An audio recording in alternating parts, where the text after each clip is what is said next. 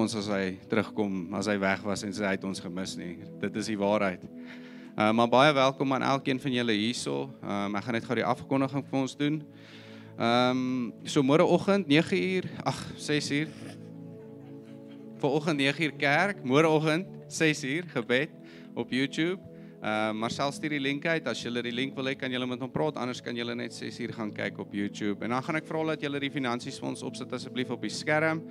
Uh as jy hier is, daar is 'n boksie daar agter of 'n Zapper kode wat jy kan scan en dan die mense by die huis op die skerm sal die kode wees, asook die bankbesonderhede en ons gee want dis 'n instelling van God, né? Nee?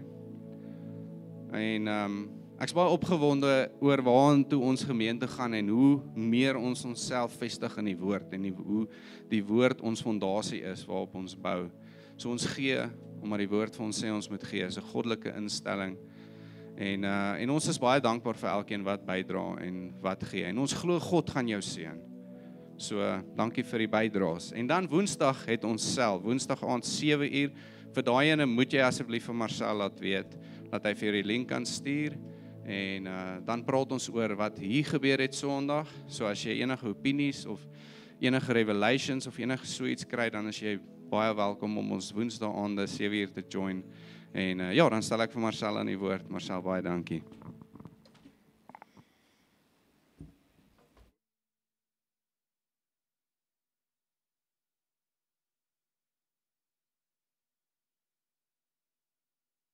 Die mikrofoon breek. Baie welkom van my kant af ook. Dit is my voorreg om saam julle hier te kan wees soos Adrian sê. Ons mis, mens mis mekaar regtig en dit is lekker om so saam met julle hier te kan wees. En vanmôre wat ek net wil doen voordat ons oorgaan na die woord, en ek vra dat ek sien Rian, daar sit hy daar agter. Rian, as jy vorentoe na vore sal kom.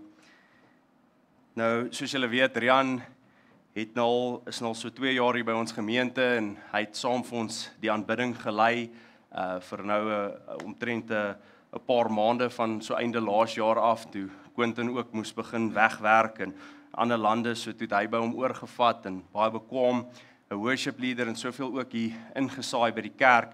En ehm uh, dis vir ons hartseer om afskeid te neem van Rian vandag. Uh, die van julle wat hom nou al leer ken het en weet dit wat hy ook hier in die gemeente beteken het. Hy en sy vrou het gevoel uh dat die Here lei hulle om net te gaan aanbid en soos sy woorde aan my was net bietjie te gaan weer ontvang en in die banke sit en maar so bietjie in 'n gemeente wat ook nader aan hulle hulle huis is en so so hulle gaan ehm um, ja, ons verlaat vir nou. Maar so besef ek dat ons is ook dankbaar dat jy toegelaat het dat die Here deur jou hier werk. En iets wat ek vanmôre so erg ontvang het of sterk ontvang het, is besef dat die Here ons as die, wat hier voor staan en en Rian verstaan dit as 'n as 'n musiekleier of as jy deel is van die span of wat ook al funksie jy vervul, is is dat ons is afhanklik van God. En God is nie afhanklik van ons nie. Ons het hom nodig. Hy het my nie nodig nie. Ek sê vir die span vanmôre, ek weet julle dat as ek ver oggend nou hier sal uitstap en sê ek gaan nie hier vandag preek nie want ek skwaad vir die mense. Dat die Here sal iemand hier oprig vir oggend wat 'n boodskap sal gee wat 10 keer beter is as myne. Want dit is wat die Here doen.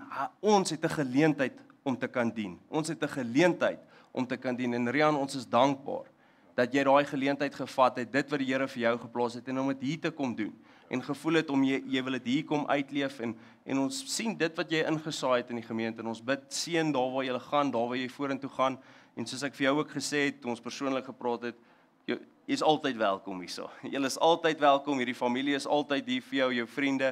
Dit is nie afhangend van 'n gebou nie. Ons is nog steeds broers in in Christus en terwyl ons hartseer is om jou te sien gaan, weet ons die Here het ook 'n plan met jou lewe en daarom wil ons ook net vir jou vanmôre bid. Die worship team het gevra hulle wil spesifiek ook saam staan en vir jou bid want die, dit wat jy ook in in in hulle lewens. Daar waar jy is, sluit die oë en steek ook net jou hand uit so na hom en en seën hom. Hemelse Vader, so dank ons U vir Rian. Ons dankie vir 'n dienskneg wat gehoorsaam is aan U woord, Here, wat hier kom arbei het, Here, in U koninkryk in in ons gemeente en dit wat hy gebring het, Here, dank ons U voor, Here, dat U deur hom gewerk het en kragtig deur hom ook so gewerk het in die musiek. Here, en daar waar hy nou gaan, weet ons, Here, dat Hy is in U hande, Hemelse Vader, Here. En so bid ons, Here, dat U rykste seën op sy lewe rus, Here, dat U hom sal lei in alles wat hy doen en hy en sy vrou en sy gesin, Here, en daar waar hy is, dat hy U stem altyd sal hoor, Here, en weet, Hemelse Vader, dat dit wat U hom tot roep, Here, en dat U altyd elke dag met hom sal wees en dat hy U sal ervaar, Here.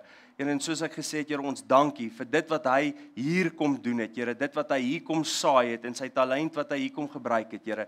Ons weet dit is alles vir u eer, Vader, maar ons dankie dat u hom opgerig het, so magtig versterk het, Here. Ons sien die groei van begin tot waar hy hier die musiek gelei het, Hemelse Vader, wat u in sy lewe bewerkstellig het. En ons dankie ook so vir hom, Here, en sy gehoorsaamheid tot u, Here. En so soos ons nou gebid het, Vader, Here, daar waar hy gaan, mag hy altyd ervaar en die seën op hom en sy gesin rus in Jesus naam. Amen.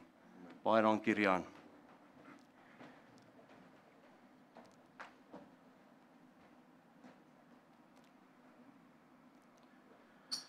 Vanmôre voor ek oorgaan na die woord toe, wil ek dan net so vir ons bid. Kom ons sluit net die oë. Hemelse Vader, So gee ons aan U die eer en soos ons vanmôre reeds verklaar het, en U op my hart gelê het, Here, ons verklaar dat hierdie is U kerk, Here. U sê U bou U kerk, Here, en en ek sleg is slegs 'n dienskneg in U hande, Vader, en ek bid so, Here, dat U deur my sal praat deur die Gees wat lei en deur U woord, Hemelse Vader, dat U dit sal seën tot elke hart hierdie woord wat uitgaan, Here, en dat hulle magtig versterk sal word deur U woord, Here.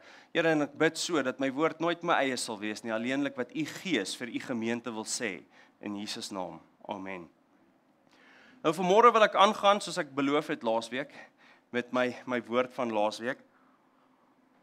So vir die van u wat dalk nou nie hier was of kon luister nie, so 'n bietjie konteks en ehm um, ek sal dit maar spesifiek vir Adrian so onthaalwe sê want hy het gaan kamp laasweek. ek spot ek spot sommer.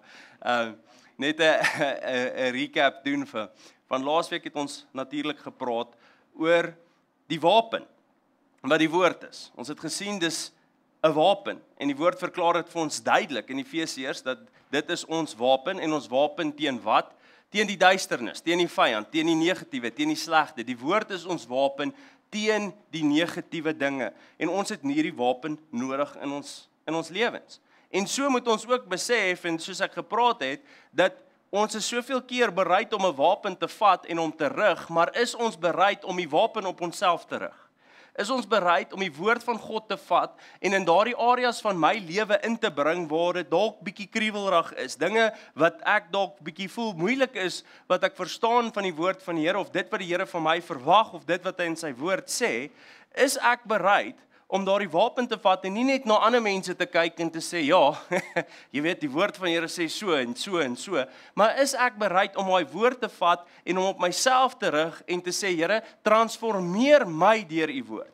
Want terwyl ons sien en ons het gepraat in die afgelope weke oor Korinte dat ons gesien het in die kerk van Korinte, dan sê Paulus vir hulle, julle het al die genadegawes en die gees van God werk deur julle, maar daar is nog vleeslikheid in julle. Hy sê daar's nog jaloersheid, tweedrag, twis, hy hy noem hierdie vleeslike dinge. So besef ons dat ons as Christene kan nog areas in ons lewens het wat nie in lyn is met die woord van God nie. En so hoe maak ons daardie areas dood? Hoe oorwinnings daai kan ons die woord vestings, strongholds in ons lewens is deur die wapen wat die woord is. Nou ons moet weet daai vesting wil nie gaan nie. Daai vyand wil nie hierdie grondgebied verlaat nie. Maar die ongelooflike ding wat ons laasweek gesien het en uit die woord in en dit nou tyd om al die versies weer te herhaal nie, is dat daar is altyd een gevolg van die woord wat 'n wapen is. Dis lewe.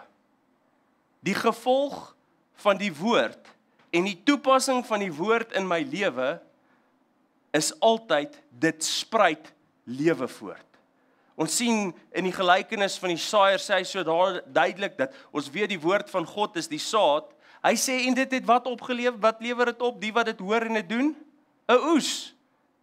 Dit is seker die beste vorm van saad wat lewe word. Hy sê dit lewer 'n oes op. Ons sien dat die woord bring lewe voort. As ek en jy bereid is om hierdie woord te vat en te sê, "Oké, okay, ek gaan vir 'n oomblik vergeet om hierdie woord op mense en almal om my te rig en te sê en op die wêreld en die regering en op wat ook al area ons wil sien en te sê, ek is bereid om die woord te vat en dit in my eie lewe in te bring. Sien Rian het laasweek gepraat wat gebeur in Asbury oor die herlewing. En as ons bietjie kyk na herlewing en dit is iets waar die kerk baie oor bid oor vir jare heen dat daar herlewing in die kerk sal plaas. As ons sien waar herlewing plaasvind, is dit nie wanneer iemand vir mense sê ek sê vir julle jy weet so en so nie. Dit is wanneer elkeen op sy eie kom en besef dat hierdie sirkel om my is waar daar transformasie, wanneer oë van die mense om hulle afgehaal word en op hulle self gerig word en toelaat dat die woord van God in hulle harte inspreek. Dit is die gevolg van die woord, is herlewing, is lewe. En so wil ek jou aanmoedig om dit te soek, om 'n hart te hê van hierdie woord wat 'n wapen is en dit te rig in jou eie hart en toe te laat dat soos ons laasweek gelees het in Hebreërs 4 vers 12 wat ons sien dat die woord is lewend en kragtig en sterk skerper as enige tweesnydende swaard en dit kan ons beoordeel van die oorlegginge van ons harte van ons denke tussen murg en been tussen vlees en gees kan hierdie woord onderskeiding bring en as ons toelaat dat dit in ons eie hart dan gaan ons sien dat hierdie onderskeiding in ons eie lewens ook sal plaasvind Maar nou om te kom by vandag se woord, het ek gesê en julle kan dalk dit opsom en sê Marcel, jy kon daai hele boodskap laasweek net gesê het lees jou Bybel. maar ek besef dis 'n area wat soveel mense mee sukkel. Soveel keer wanneer ek met mense gesels of so, sê ek ek verstaan nie wanneer ek lees nie. Ek weet nie wat ek lees nie. Ek weet nie waar moet ek lees nie. Ek ek jy weet dan's dit goed en ek kry goed wat ek nie mooi verstaan nie en en so het ek gelaasweek gesê vandag sal ons bietjie meer ingaan in die praktiese deel van hoe om ons woord te lees en hoe om die woord werklik waar te gebruik. Die skriflesing vandag wat ek vir julle wil lees is in Johannes 14 vanaf vers 23 en dit sê Jesus antwoord en sê vir hom as iemand my liefhet sal hy my woord bewaar. En my Vader sal hom lief hê en ons sal na hom toe kom en by hom woning maak. Wat sê Jesus as ons hom liefhet, sal ons wat bewaar? Sy woord. Ons sien hoe belangrik verklaar hy is die woord. En tog is dit iets wat ons so versuim, so nalat in ons lewens. Maar Jesus sê as jy my liefhet, sal jy my woord bewaar. En hy sê weer eens en daar's 'n gevolg. Hy sê en my Vader sal hom lief hê en ons sal na hom toe kom en by hom woning maak. Jesus gee vir ons weer eens 'n aksie en ons sien 'n gevolg van lewe wat daaruit voort is voortspruit. Hy sê hy wat my nie liefhet nie, bewaar my woorde nie en die woord wat julle hoor eh, is nie myne nie, maar is die van die Vader wat my gestuur het. So Jesus sê, dit wat hy sê is die woorde van die Vader wat vir hom gestuur het. Hy sê dit het ek tot julle gespreek terwyl ek by julle bly. Jesus weet, hy gaan weg. So hy sê hy het gekom, hy het die woorde van die Vader gespreek. So dit wat Jesus gesê het was die woorde van die Vader gewees, maar hy sê ook vir sy disippels dat hoorie ek gaan ek gaan weggaan. So jy moet my woorde bewaar. Dit wat ek gesê het, moet julle bewaar in julle harte. Hy sê en hy sê maar die Trooster, die Heilige Gees wat die Vader in my naam sal stuur, hy sal julle alles leer en julle sal en sal julle herinner aan alles wat ek vir julle gesê het. So ons sien dat Jesus het opgevaar in die hemel. Jesus is by die Vader en terwyl niks fout is om vir iemand te sê of vir 'n kind te leer dis Jesus in jou hart nie, is dit nie fisies Jesus in jou hart nie, want Jesus het opgevaar na die Vader toe. Dit is die Heilige Gees wat hy gestuur het wat in ons hart gewoon het. Wat die Gees van God is en ons weet, hulle is nie uh onderskeibaar of hulle is onderskeibaar van mekaar, maar hulle is nog steeds een. So dis die Heilige Gees wat hier is in ons en dit is op die Heilige Gees wat ons moet staat uh, wat ons moet staat maak om ons te leer en lei in die woord. Jy sien maar ons 'n proses vir die woord om werklik waar ek wil sê ingang in ons harte eerstens te hê. Want die woord van God ja, is kompleks. Maar as ons kyk en ek wil sê in die praktiese deel, die stap 1 wat moet gebeur vir die woord om ingang in jou hart te hê, is glo jy die woord? Nou jy mag dalk vinnig antwoord ja, ek glo die woord. Maar glo jy fisies dat daardie Bybel wat dalk op jou bedkassie of op jou iPad of wat ook al is, is die fisiese woord van God. Glo jy dit? Want ek dink as ons 'n werklike besef het dat dit die fisiese woord van God is wat in my besitting is, waardeur God geskaap het, wat ons sien dat die woord verklaar dat die woord was in die begin by God en die woord was God en die woord het vlees geword in die vorm van Jesus, dat ek besit God se fisiese woorde wat gespreek is hier. Gaan ek nie begin anders te kyk na my Bybel nie. Gaan ek nie 'n honger hê om te hoor wat sê die Here nie. Ons almal sê gereeld of ek hoor gereeld mense sê ek wil hoor wat sê die Here vir my in hierdie en hierdie situasie. O, ek wens ek kan die stem van die Here hoor. Oef, die Here moet my praat en dit is wat ons nou die laaste paar weke gepraat. Die Here praat. Hy gebruik mense, maar hy gebruik die woord. Hy gebruik altyd die skrif om die bevestiging te gee van dit wat gesê is. Maar so kan ons baie keer hardloop en ek wil ek wil hoor wat sê die een en daai een, ek wil gaan hoor, jy, jy weet, die ou moet oor my lewe uitdruk, maar die eerste vraag is, het jy na die woord toe gegaan? So as jy kyk, sê jy, eerstens, glo jy die woord van God? En ons het so 'n duidelike voorbeeld van dit gekry in die begin toe het die vyand het die Satan in die vorm van 'n slang met Eva gepraat en hy het vir haar gesê jy weet ehm um, jy wat het die Here vir julle gesê? Sê nee ons mag nie van hierdie boom eet nie nê? Toe sê hy regtig? Toe sê hy julle sal nie julle sal nie sterwe nie. Hoekom het hy gesê julle mag nie? En ek ek gebruik nou my eie taal hier maar jy kan dit gaan lees dit is wat daar staan Het gesê regtig het die Here vir julle gesê julle mag nie van hierdie boom eet nie want julle sal sterwe. Hy sê seker sekerlik julle sal nie sterwe nie. Hy sê julle sal van soos God wees as julle van hierdie boom eet. En in daardie oomblik het Eva 'n keuse gehad om te glo wat God gesê het en gesê het julle gaan sterwe of sy het 'n keuse gehad om te glo wat die vyand sê en sê dit sal nie so wees nie. So ons sien dat daardie konfrontasie kom van die begin af al of ek glo dat God se woord die waarheid is en of ek glo hierdie is sy woord.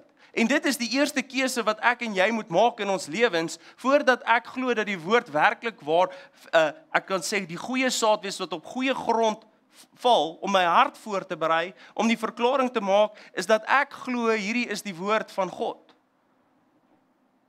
En ons sien die woord sê dit vir ons duidelik in 2 Timoteus 3 vers 16. Dit sê die hele skrif is deur God ingegee en is nuttig tot lering, tot weerlegging, tot teregwysing, tot onderwysing in die geregtigheid. Hoeveel van die skrif is deur God ingegee? Die hele skrif. Al die skrifte is deur God ingegee. En as ons nou kyk en nou kyk ons dit in 'n geestelike aspek en ons kyk dit uit die uit die woord se standpunt uit, sien ons so duidelik dat die hele skrif is deur God ingegee en dit is alles tot nuttig vir my. Ek kan nie dele uitsny nie. So as ek glo eerstens dat die woord van God, ek glo dit, stap 1. Ek glo dit is die woord van God wat hy vir my gegee het en ek het 'n hart vir dit en ek glo dit is die waarheid is dit die tweede deel. Is glo ek wat daar staan is die waarheid en is dit die volle waarheid? sien ek kan nie gedeeltes uit die woord uitlaat wat nie vir my pas nie. Dat as jy glo dat dit is die woord van God dan kan jy nie sê maar ek ek hou van sekere dele, ek glo seker in sekere dele. Ek glo dis die woord van God nie. As jy glo dis die woord van God, is stap 2 dat jy glo dat dit is die volle woord van God. Dat van Genesis tot in Openbaring, dit is alles die woord van God en soos hy hier verklaar in Timoteus dat die hele skrif wat deur God ingegee het, is nuttig tot lering, tot weerlegging, tot teregwysing, tot onderwysing in die geregtigheid. Alles, maar alles wat hier staan is nuttig. Ek kan nie dele uitsny nie. Ek kan nie dele verwyder nie. Ek kan nie sê daardie pas my nie. Ek kan nie sê dit was dit of dit was volgens daai persoon. Ons sien baie kere dat mense wil sê ja, maar okay, dit is jy weet dis Ou Testamenties. Jy het dit al gehoor, dit as jy oor iets praat, sê iemand o nee, maar dis Ou Testamenties of dis wetties of dit hy sê die hele skrif is tot lering. Soos ek wil hê die woord as wapen moet krag in my lewe hê, moet ek glo eerstens dat dit is die woord van God, ek moet glo dit is die waarheid en ek moet glo dat dit alles is die woord van God en ek kan nie een deel sonder die ander nie. sien want die wêreld en as ek praat van die wêreld, die fisiese wêreld wil die heeltyd 'n aanval op die woord van God loods. Want as hulle die Bybel verkeerd kan bewys, dan voel hulle kan hulle bewys daar's nie 'n God nie. As hulle vir ons dit wat God vir ons agtergelaat het, sy woord, verkeerd kan bewys of 'n of 'n loophole of 'n probleem hiermee kan vind, dan kan ons moet ons dit verwerp en verbrand want dan kan dit nie die waarheid wees nie.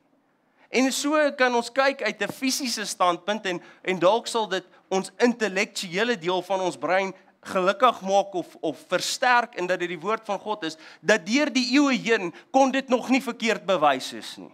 Die skrif kon nie verkeerd bewys word nie. Mense wil gedeeltes vat en sê maar maar waar is dit of waar is dat? Hulle probeer goeters uit konteks uitvat en sê maar dit of dat. Hulle probeer eerder die die Here aanval in die woord om te sê maar o ons kyk in in die in die woestyn moes hulle die konings uitroei. Wat se tipe God dien julle? Ons sien dat hulle probeer eerder die karakter van God aanval in sy woord deur om sy woord nie te verstaan nie, deur om dit buite konteks van die skrif te vat as wat hulle probeer probeer sê dat dit het nooit gebeur nie. Dat in hierdie wetenskaplike tegnologiese of soos ons baie hoor the information age wat ons lewe wat inligting so beskikbaar is en die mense so slim kon niemand al bewys dat die woord is nie waar nie. Daar kon nie 'n bewys wees dat Jesus nie bestaan het nie. Daar is bewyse, duidelike bewyse van die disippels wat uitgegaan het. Nou as ons net kyk daarna en en ek gaan baie kortliks hierop aanraak want ek wil nie ek het al 'n boodskap hieroor gebring, maar as ons net kyk na die disippels wat saam Jesus beweeg het, wat van die boeke in die Bybel geskryf het. As hulle 'n leuen verkondig het daai tyd, dink julle hulle sou bereid wees om te sterf vir 'n leuen? As hulle gelieg het. En as jy gaan lees en jy kan dit selfs op geskied op op webwerwe soos NatGeo, National Geographic gaan lees oor die lewens van die disippels wat as geskiedenis opgeteken is, dan sien ons hulle na Jesus se opstanding na Pinksterdag van Pinkster het hulle die wêreld deur versprei om die woord te gaan verkondig. En as jy lees dat hoe van hierdie manne doodgemaak is, dat hulle is deurboor met spiese, hulle is onderste bo gekruisig. Van hulle se vel was van hulle liggame afgetrek om hulle te keer om die woord van God te versprei. Dink jy iemand sal dit doen as hy gelieg het? Mense is nie bereid om te sterf vir 'n leuen nie. Dis nie vir hulle die moeite werd om te sterf vir leuen nie, maar tog het hierdie disippels die waarheid so geken dat hulle gesê het ons is bereid om te sterf. Selfs Paulus, toe daar vir hom geprofeteer word dat waar hy gegaan, hy sal sterf, hy sê ek is bereid om te sterwe vir die waarheid. Dis hoe vas hy geweet het in die waarheid van wie God is. En so staan ek en jy voor daardie deur om te moet besluit. Dat glo ek in hierdie woord. Of is dit maar net nog 'n boek? Want as ons kyk, dan sien ons dit dis geskryf oor 'n periode van 1500 jaar en ek sê deeltyd geskryf want ons sien daar's meer as 40 skrywers aan die Bybel wat in verskillende eeue en tydperke geleef het, maar daar was net een outeur. En dit was God, want dit sê die hele skrif is deur God ingegee. So terwyl hulle dit neergepen het, geskryf het, was daar een wat dit die outeur is van die woord en dit is God. En hulle was geïnspireer deur die Gees om neer te pen en te skryf dit wat hulle geskryf het. sien en as ons nou kom en as ek wil aanbeweeg dan begin ons nou sê okay ek ek glo dis die woord van God. Ek glo dis die volle woord van God ek glo dit is die waarheid. As jy daardie 3 dinge in jou hart kan kry en en om te glo en ons sien soos Hebreërs ook sê dat die enigste manier om God te behaag is deur wat? Deur geloof. En te glo dat dit wat God sê is die waarheid, want dit is die eerste sonde of die fout wat die mens gemaak het en gesê het nee, ek dink God lieg. God het vir my gelieg. Ek gaan soos hy wees as ek van hierdie boom eet, so toe eet ons van die boom.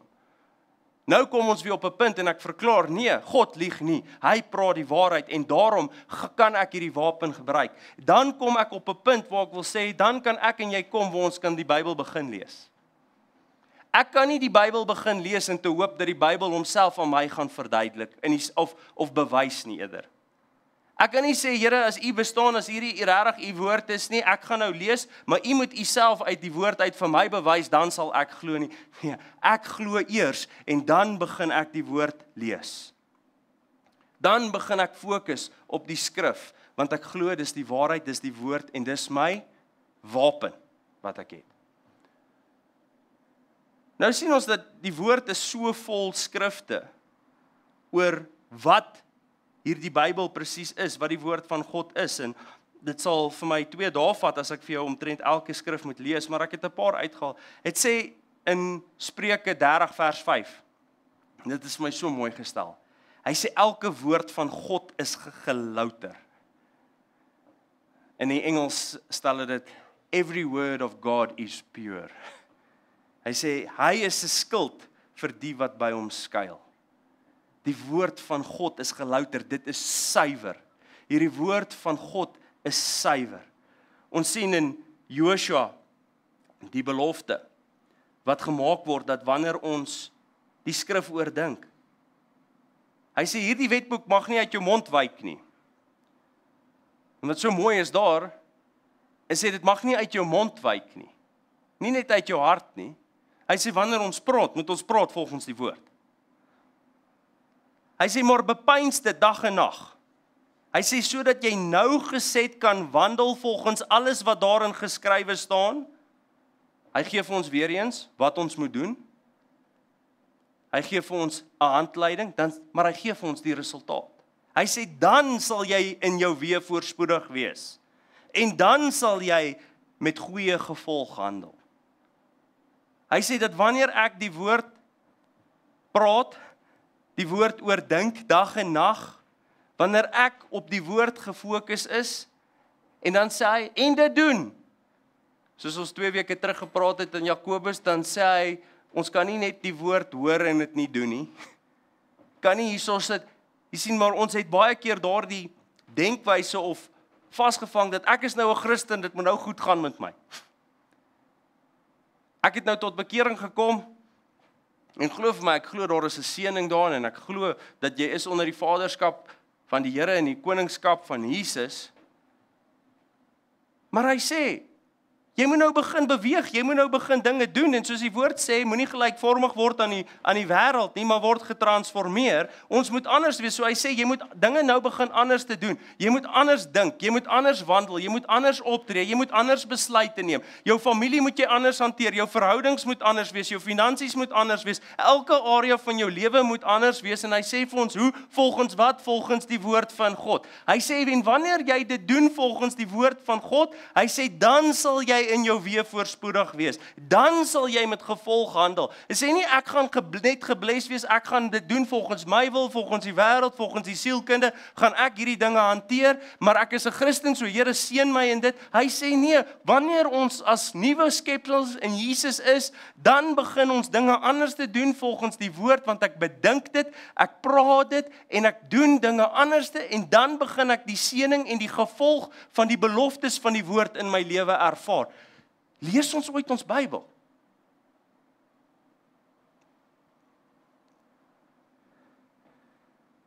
Romeine 15 vers 4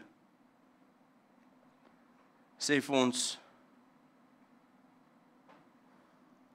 Want alles wat tevore geskrywe is is tot ons lering tevore geskrywe sodat ons deur leidsaamheid en bemoediging van die skrifte hoop kan hê. Hy sê die skrifte is daar tot wat? Tot lering. En dan gee hy vir ons weer die gevolg. Die gevolg van die woord van die skrif is hoop. As ons hoop nodig het, kort ons skrif. Ek kort ons sê baie kere ook het 'n deurbraak nodig. Ons moet 'n hart begin hê en sê ek het skrif nodig vandag. Wanneer dit swaar gaan, wanneer dit moeilik gaan die dag, moet ek begin sê ek het vandag skrif nodig. Here, gee vir my woord. En dit kan wees deur iemand of wat ook, maar soveel keer dan sien ons onsself dit is presies die teenoorgestelde wat ons in ons lewens ervaar wanneer dit swaar gaan, wanneer ons in 'n moeilike situasie is, dan wil ek sê o, moenie nie vir my vir die Bybel vertel vandag nie. Moenie nie vir my 'n versie stuur vandag nie, want dit gaan sleg. Ek weet wat sê die Bybel. Ek weet wat sê die Bybel. Ons moet 'n harte en sê juis in my moeilikste, vandag het ek woord nodig. Dit so so geseën deur dit gewees in hierdie week. Gee ek vir Tannie Alta gebedsversoek vir my en weet julle wat stuur sy vir my terug op WhatsApp? Sy stuur vir my skrifte. En dit was so 'n blessing om dit te gaan lees. En sy gee vir my skrif. Sy gee vir my woord, iets om hom vas te hou en weet julle wat het dit gegee? Daai skrifte het hoop in my hart gebring. Ek het hoop ervaar uit die woord van God. Sien maar, maar sal jy dit nou nog nie mooi die die vraag geantwoord maar hoe lees ons ons? Ek weet ek moet, ek weet ek wil. So nou kom ons gaan prakties in hoe dit uitspeel. En dit het onlangs gebeur en die Here het dit so mooi vir my verduidelik en ek het dit met iemand gepraat die dag. Dit was interessant. So voor jy voor ek Bybel lees in die aand dan bid ek. Sê ek Here, Ek glo, ek herhaal hierdie dinge wat ek vanmôre vir julle geleer. Ek glo u woord is die waarheid.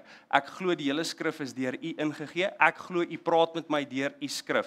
En ek bid so Here voordat ek nou in u woord gaan dat u aan my sal openbaar dit wat u aan my wil sê.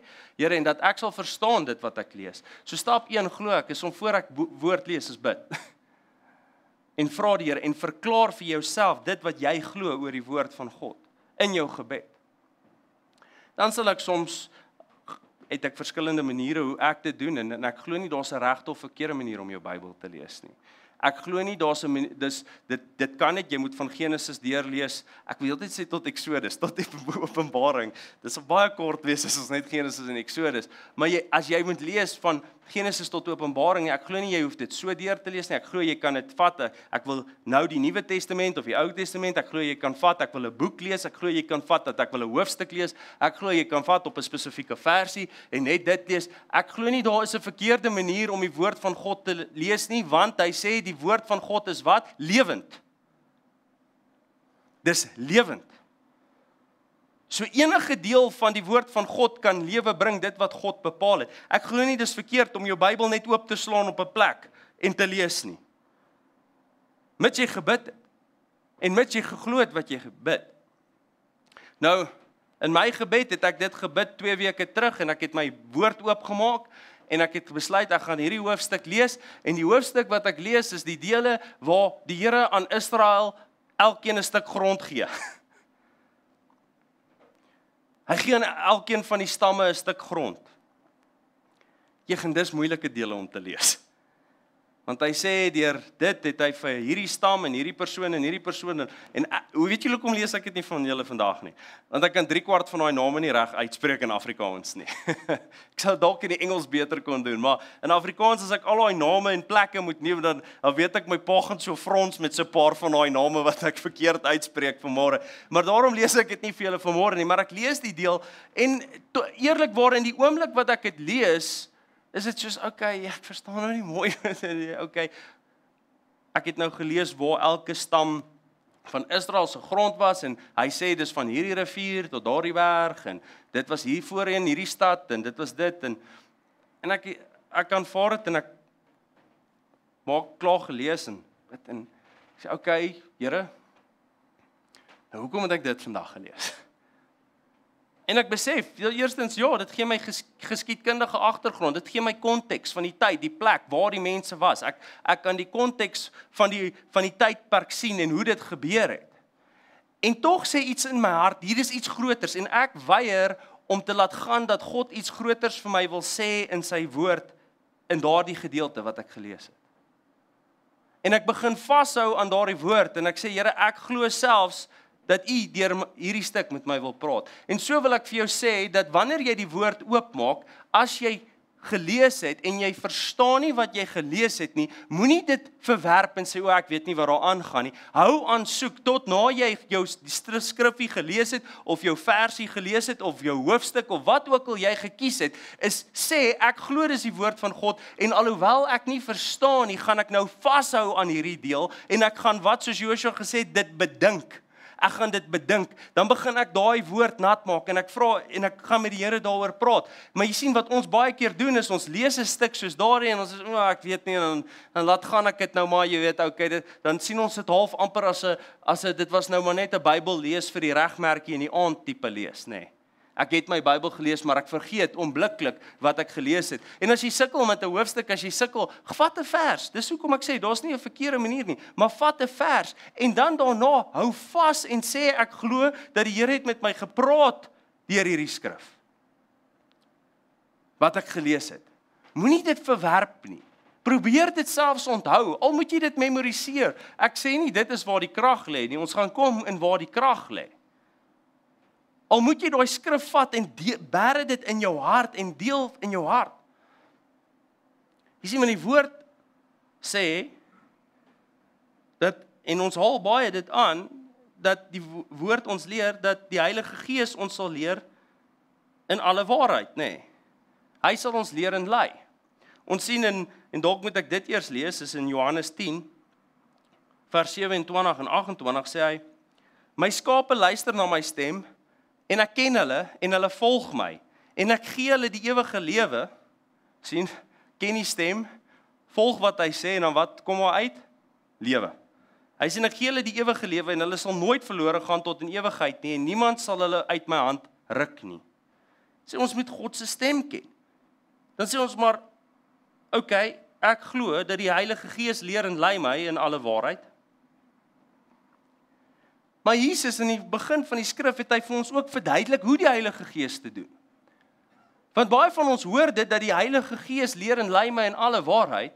En daarom het ons laasweek gesê en ons het gesien uit die skrif die woord waarsku ons want hy sê selfs die Satan beklee hom as die engel van 'n van die lig, as 'n engel van die lig. Maar ons moet onderskeiding kan plaasvind. Hoe kon ons onderskeiding plaasvind? Hebreërs 4 vers 12 sê vir ons onderskeiding gebeur deur wat? Deur die woord. So daarom het ons skrif nodig om hierdie goed uh te kan verstaan. So moet ek sê hy ken my stem. En so bid ek dat die Heilige Gees my leer en lei. Maar hoe weet jy wanneer die Heilige Gees met jou praat? Soms het ons daai oorweldiging ervaring en ek ek verstaan my mooi, ek wil nie vir die Here vandag in 'n boksie sit en sê die Here kan werk soos hy wil. Maar hy het sekere skrifte wat my leer hoe hy werk en dit is waarop ons fokus.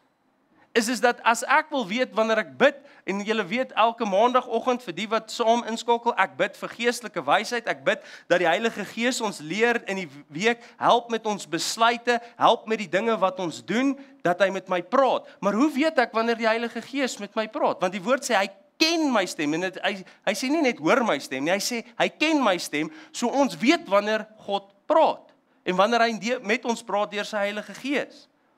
Maar hy het so duidelik vir ons gesê in daai eerste gedeelte in Johannes 14 En ek gaan net vers 26 lees. Hy sê maar die Trooster, die Heilige Gees wat die Vader in my naam sal stuur, so die Heilige Gees wat nou by ons is, hy sal julle alles leer. Soms hou ons bly ons daar, nê? Maar hy sê hoe? Hy sê en julle sal julle herinner aan alles wat ek vir julle gesê het. Hy sê die Heilige Gees sal ons herinner aan wat? Aan die woord van God. Die Heilige Gees herinner ons aan die woord wat Jesus gespreek het en Jesus sê die woorde wat ek spreek kom van die Vader af en so begin hy met ons praat is dat soveel keer dat wanneer ek my woord gelees het al verstaan ek dit nie maar ek hou vas dis die woord van God. In die oomblik wat dit nodig is herinner die woord die Heilige Gees my aan die skrif en ek weet dis hy wat met my praat want ewe skielik kom haar skrif in my hart op. Ewe skielik kom haar woord in my hart op. Maar hoe kan die Heilige Gees my herinner aan die woorde van Jesus as ek dit nie ken nie? As ek nie eers weet wat Jesus gesê het nie Hoe kan die Heilige Gees my herinner daaraan? Hoe kan ek hierdie wapen effektief gebruik deur die Heilige Gees wat my bemagtig as ek nie die skrif ken nie? In orde dat die Heilige Gees my herinner, moet ek dit ken. Ek kan nie vir jou sê Ek herinner julle aan Johannes 3 vers 16 nie. Meeste van julle ken dit seker. Maar ek kan er, slegs sê ek herinner jou daaraan en dit sal iets beteken omdat jy dit ken. En so kom die Heilige Gees En in die oomblikke herinner hy ons aan die skrif, aan die woord en dan begin dit ewe skielik sin maak en ek gaan dit terugvat na my voorbeeld wat ek die grondgebied gedeeltes gelees het. 'n Paar dae later sit ek met iemand in gesels en en ons praat so oor oor die woord en ewe skielik kom dit in my hart op ons praat so oor Efesiërs wat die wat die woord sê dat wanneer ons teen die vyand opstaan met die wapenrusting dan sê hy wat? Om hom te te staan en nie dat hy grondgebied vat nie. En die Here openbaar aan my die skrif. Hy sê sien jy Marcel ek gee vir julle die grondgebied. Ek het aan Israel die grond gegee. Ek gee dit vir jou. Dis nie vir jou om te wen nie. Ek het dit vir jou gegee en ewe skielik herinner die Heilige Gees my en daar kry ek 'n openbaring van God af omdat ek my woord gelees het en ek het vasgehou dat ek glo God wil met my praat en ek kry hierdie openbaring in my eie lewe dat ek besef dat dit wat God gee of dit wat ek het kom van God af soos dit vir Israel gegee is. En die logos word woord word rema. En ek sal baie vinnig daai twee konsepte verduidelik. Ek besef die tyd hardloop uit en dankie musikante julle kan na vore kom so lank. So ons sien dat die woord praat van logos woord in die in die vertalings. Dan sien ons dat dit is die letterlike skrif wat daar staan.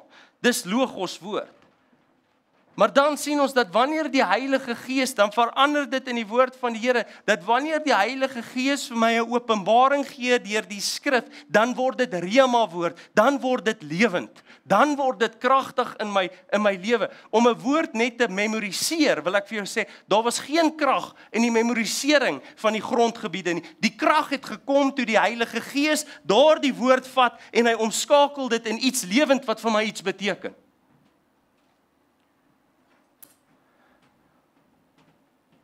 Sien maar soveel keer dan wil die Heilige Gees ons herinner aan woord maar ons besef nie dat ons situasies waarin ons is is nie vleeslik nie maar geestelik. En dit is die tweede deel van hierdie wat ons moet verstaan. So ek ek glo die skrif. Ek lees die skrif. Op die oomblik beteken dit dalk nie vir my iets nie, maar ek verwerp dit nie. Ek hou aan glo dat God wil met my praat hierdeur. Dalk nie vandag nie, dalk nie môre nie, dalk volgende maand, dalk oor 'n jaar, maar dalk gaan ek myself iewers in 'n situasie bevind waar ek daai skrif nodig gehad het wat ek vandag gelees het. So ek gaan nie sê o, ek weet nou nie wat hier staan nie, ek gaan aan nie. Ek sê Here, terwyl ek nie verstaan nie, glo ek is u woord en u sal op die regte tyd aan my openbaar wat u vir my wil sê. Maar jy sien die oomblik wanneer die Here goed openbaar aan ons in die skrif en dit help nie ek bid op 'n maandagooggend Here, lei ons deur u Gees in alle wysheid in ons vergaderings en ons ontmoetings en ons verhoudings, maar ek maak nie eers die verklaring dat elke situasie waardeur ek myself die week bevind is eintlik geestelik terwyl dit vleeslik lyk nie. Sien ons bid vir vir wysheid, geestelike wysheid. So nou ervaar ek, nou kom ek in 'n situasie, dalk sit 'n vergadering, dalk sit 'n moeilike plek of 'n moeilike omstandigheid. En dit is fisies moeilik. Dan vat ek my denke weg van die fisies en ek begin sê, Here, ek weet U is geestelik hier betrokke. Ek weet nie wat nou hier aangaan nie ek verstaan nie, maar ek weet hier's 'n geestelike les om te leer. Wanneer ek my denke van die vleeslike dinge afhaal en ek begin dit geestelik maak, dan maak ek ruimte om die Heilige Gees se stem te hoor. Sien, maar die probleem is wanneer ek so ingeskakel is om dit met my oë en hierdie ore te hoor, dan dan sukkel ek om met my geestelike ore te hoor, want ek is besig om te sien en te hoor met hierdie ore. So die Heilige Gees praat dalk met my, maar ek hoor nie want ek is gefokus deur hierdie. As ons werklik waar wil hê dat die leiding, die leer en leiding soos Johannes vir ons leer dat die Heilige Gees, moet ek 'n geestelike ingesteldheid hê. En jy gaan ervaar wanneer jy sê Here, ek weet nie wat nou hier aangaan nie, maar ek weet U is in dit. Here, ek verstaan nie hoekom hierdie nou gebeur nie, maar ek weet U is hier. Here, ek weet nie wat U vir my wil leer nie. Ek weet nie wat U vir my wil wys nie. En dan ewe skielik dan begin die skrifte opkom. Dan begin die woord van God opkom en jy begin bevestigings kry en daai logos woord word rema woord in jou hart. Dit word lewend, dit word kragtig. Dit beteken iets in die oomblik. Sien maar, hoe kan ons ooit dit hoor? As ek nooit my woord lees nie. As ek nie glo dis die waarheid nie. As ek nie glo dis die volle waarheid nie. Ek kan dit slegs toepas wanneer ek dit ken. Mag ons 'n gemeente word of wees wat 'n honger het vir die woord. Mag ek nie sê ek verstaan dit nie. Mag ons so staat maak op die Heilige Gees om vir ons die openbaring te gee om hierdie woord vir ons lewend te maak in ons lewe. Want dan gaan die swaard effektief gebruik word. sien want Paulus in die voorbeeld wat ons genoem het, Paulus kon onderskei. Hy het kyk na die gemeente van Korinte en met sy fisiese oë en ore sien hy. Ja, Sien al die genadegawes van die Heilige Gees en ons kan kom ons vat dit en vandag stap hier in en is worship en die mense sing en ons sien amazing dinge gebeur en die woord is kragtig. As ons net met ons fisiese oë en ore onderskei dan sal ons dink alles gaan fantasties, nê. Nee. Maar Paulus het gekyk na die gemeente nie net met fisiese oë nie, hy het gekyk na geestelike oë. Hy sê, "Maar ek sien hierdie in julle." En hy het geestelike dinge aangespreek. En so moet ons in ons situasies, in ons lewens, in ons huwelike, in ons verhoudinge, wat ook al area van jou lewe, moet ek ophou net fisies daarna kyk en fisies ek moet geestelik begin kyk en sê Here, wat is hier aan die gang? Is hier 'n vyand besig om by my steel? Is daar 'n vesting in my lewe? Is hierdie 'n tyd waar ek die woord wat ek moet beskerm teen 'n aanval? Here, is hierdie 'n tyd waar ek kan kan ervaar dat hierdie is U wat met my praat? Ek moet wakker wees in die gees. Sien want ons het baie gehoor en soos ek sê vanmôre was my hart om 'n praktiese boodskap te bring. Lees jou Bybel. Bid elke dag. Maar dan kom ons ek weet nie hoe nie, ek weet nie waar om te begin nie, ek weet nie. Ek sê vir jou as jy net jou Bybel wil oopmaak en 'n stuk lees, is dit ook reg want die Here kan so ook met jou praat en hy het al herhaaldelik met my so gepraat. Dat ons 'n honger het vir sy woord en ons gaan begin openbarings kry en ons gaan begin situasies anders hanteer. Ons gaan begin sien ons gaan ons huwelike en ons finansies in elke area gaan ons anders begin hanteer want die Here praat met ons want hy het ons nie agtergelaat hier op aarde nie en, en dis hoe ons sien dat hy ons wil help is deur sy woord wat hy gesê het. Hy gaan ons nie soos wese hier agterlaat soos weeskinders wat nou moet wag tot eendag dat hy terugkom nie. Hy het gesê hy stuur die Heilige Gees. Hy gaan ons leer, hy gaan ons lei, hy gaan ons help, hy gaan ons transformeer transformeer. Daar's beloftes van voorsiening en genesing. Hy het alles vir ons hier nog steeds tot beskikking gestel. En terwyl ons hoop en ons sien uit eendag om uh die Here weer te sien in die hemel, terwyl ons hier is, kan ons hom nog steeds ervaar en groei en verander en lewe en beweeg en besluite maak en verhoudings hê en al hierdie dinge ervaar wat God vir ons bepaal het en ons kan voorspoedig wees daarin. Dis wat Joshua sê. Hy sê gee vir ons hierdie woord dat ons dit bedink dag en nag en dat dit nie uit ons mond sal gaan nie, dat ons sal praat dit wat die woord sê. En dan sal ons voorspoedig wees in alles wat ons doen. Die Here se hart is vir jou en my om voorspoedig te wees in wat ons doen. Maar hy het vir ons gegee hoe? En dis deur die woord. Dis deur die Heilige Gees. Hy herinner ons aan skrif en daarom sê ek wat ek gesê het die laaste paar weke. As ons woord van iemand of iets ontvang, dan soek ons die skrif. Want hoe kan ek dit oordeel? Hoe kan ek die geeste oordeel as ek nie skrif is nie? Want die woord sê vir my Hebreërs 4:12, dis deur die skrif wat ons die oordeel kan maak. Hoe kan ek iets doen? Hoe kan ek 'n besluit maak? Hoe kan ek enige iets doen in hierdie lewe? En beoordeel of dit die regte pad, die perfekte wil van God is sonder dat die Heilige Gees my inspireer en dit deur skrif vir my doen. En ek sluit af met dit. Daar's baie stemme wat praat. Daar is baie stemme wat praat. En dalk is dit die afsluiting van hierdie reeks wat ons mee besig was. En ek kan dalk die voorbeelde uit die dinge wat ons gepraat het. Jou emosies praat. Jou wil praat. Jou intellek praat. Mense praat bitterheid praat, jaloesie praat. Daar is baie stemme. En baie van dit lyk reg. Soos Petrus gesê het vir Jesus, ons gaan nie laat julle laat u sterwe nie. Ons sal dit nie laat dit gebeur nie. Dit klink so positief. Jesus het gesê kom agter my Satan. Hy sê met jou denke is nie by denke nie. Jesus kon onderskei dit wat hy wil doen is nie van God af nie. Alhoewel dit positief lyk. Daar's baie stemme wat praat en nie elke stem wat iets goeds of positiefs of wat aanklank vind by jou is die Here nie. En as ons werklik waar gelei wil word in die perfekte wil van God in ons lewens, dan gaan ons leer om sy stem te volg. My skape ken my stem. En ek ken dit deur die Heilige Gees wat met my praat en ek weet van die Heilige Gees herinner my aan wat? Die woorde van Jesus. Hy herinner my na die woord. Hy vat my terug na die woord. En so kan ek my lewe begin bepaal volgens die woord van God.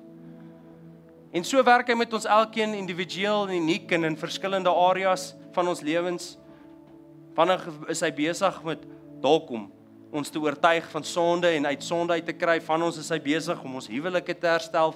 Ons is in elke area, maar dis hoekom dit so belangrik is dat jy jou woord ken, want ek wil vir jou sê die Heilige Gees wil dalk vandag nog met jou praat. Hy wil môre, hy wil met jou praat, hy wil vir jou iets sê, maar hy wil jou vat na die skrif toe.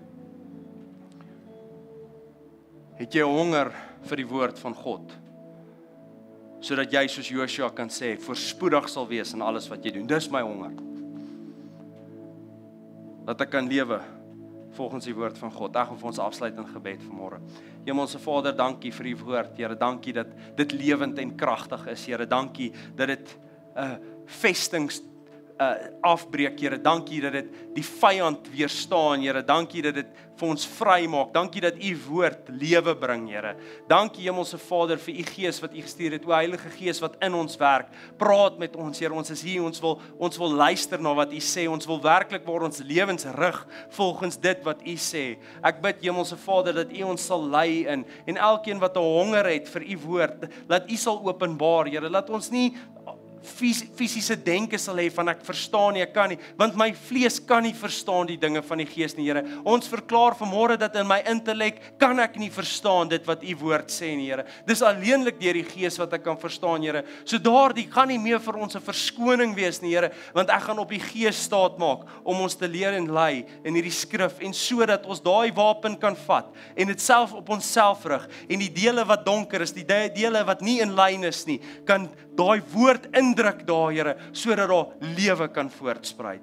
Here en dit deur dit alles, die transformasie wat in ons lewens gebeur, mag dit aan U eer bring, Here. Ons doen dit nie vir ons eie eer nie, Here. Here, ons doen dit want U het dit vir ons so gesê in die woord en ons wil wees die volheid wat U vir ons bepaal het om te wees. Ons wil wandel in die krag wat U vir ons gestel het. Ons wil 'n lig kan wees vir die nasies, Here. Ons wil verandering, ons wil verander kan bid. Ons wil hê mense moet U in ons ervaar. Ons wil hê U gawes moet deur ons vloei, Here. Maar ons besef, Here, dat U is nie die probleem nie, dat ons is soveel keer die probleem, Here. En so wil ons hierdie ek wil sê hierdie pipeline waardeur u werk in ons lewens wil ons oopmaak en en losmaak van al die dinge wat dit verstop van u om deur ons te werk Here. En ons wil sê kom in die volheid kom in die krag Here. Soos ons daar in Amerika gesien het die herlewing wat plaasvind Here. Here mag dit deur ons gebeur Here. Mag u deur ons werk Here. Mag u deur hierdie gemeente werk Here. Mag u krag hier uitvloei Hemelse Vader. Mag u mense genees en huwelike herstel Here. Mag u bo natuurlike dinge doen. Mag elkeen wat u instap wanneer hy in koneksie nie net met my of met die worship span is nie, maar met elkeen met mekaar. Mag ons U in mekaar ervaar, Here. Mag U geen plek wees vir menslike gedagtes nie. Geen plek wees vir die vyand se gedagtes nie, Here. Maar werklik waar, Here, mag U wil hier so vloei, Here, dat dit soos 'n ek wil sê soos 'n atoombom hier afgaan, Hemelse Vader, en van hier uit uitsprei in ons gemeenskappe, in ons families, Here, in ons werke, Here, en mag U goedheid en guns net so vloei. Mag u vrede ons deel wees, Here. Here, en ek bid so net vir elkeen wat maar wat sit en hulle is hopeloos, Here. Here, deur u woord bring vir hulle hoop vandag, Here. In Jesus naam. Amen. Ek het bietjie langer aangehou vandag. Maar ek wou nie die boodskap weer in twee deel nie. Ek dog nogal vanoggend dit gaan nou korter wees want ek het hom laasweek in twee gedeel. Kan julle dink as ek hierdie een in laasweek sin saam gedoen het? Maar mag die Here julle seën. Ek gaan vra dat ons saam staan en 'n laaste lied saam sing en daarna sal natuurlik lekker koffie agter. Dankie. I love your voice. You have led me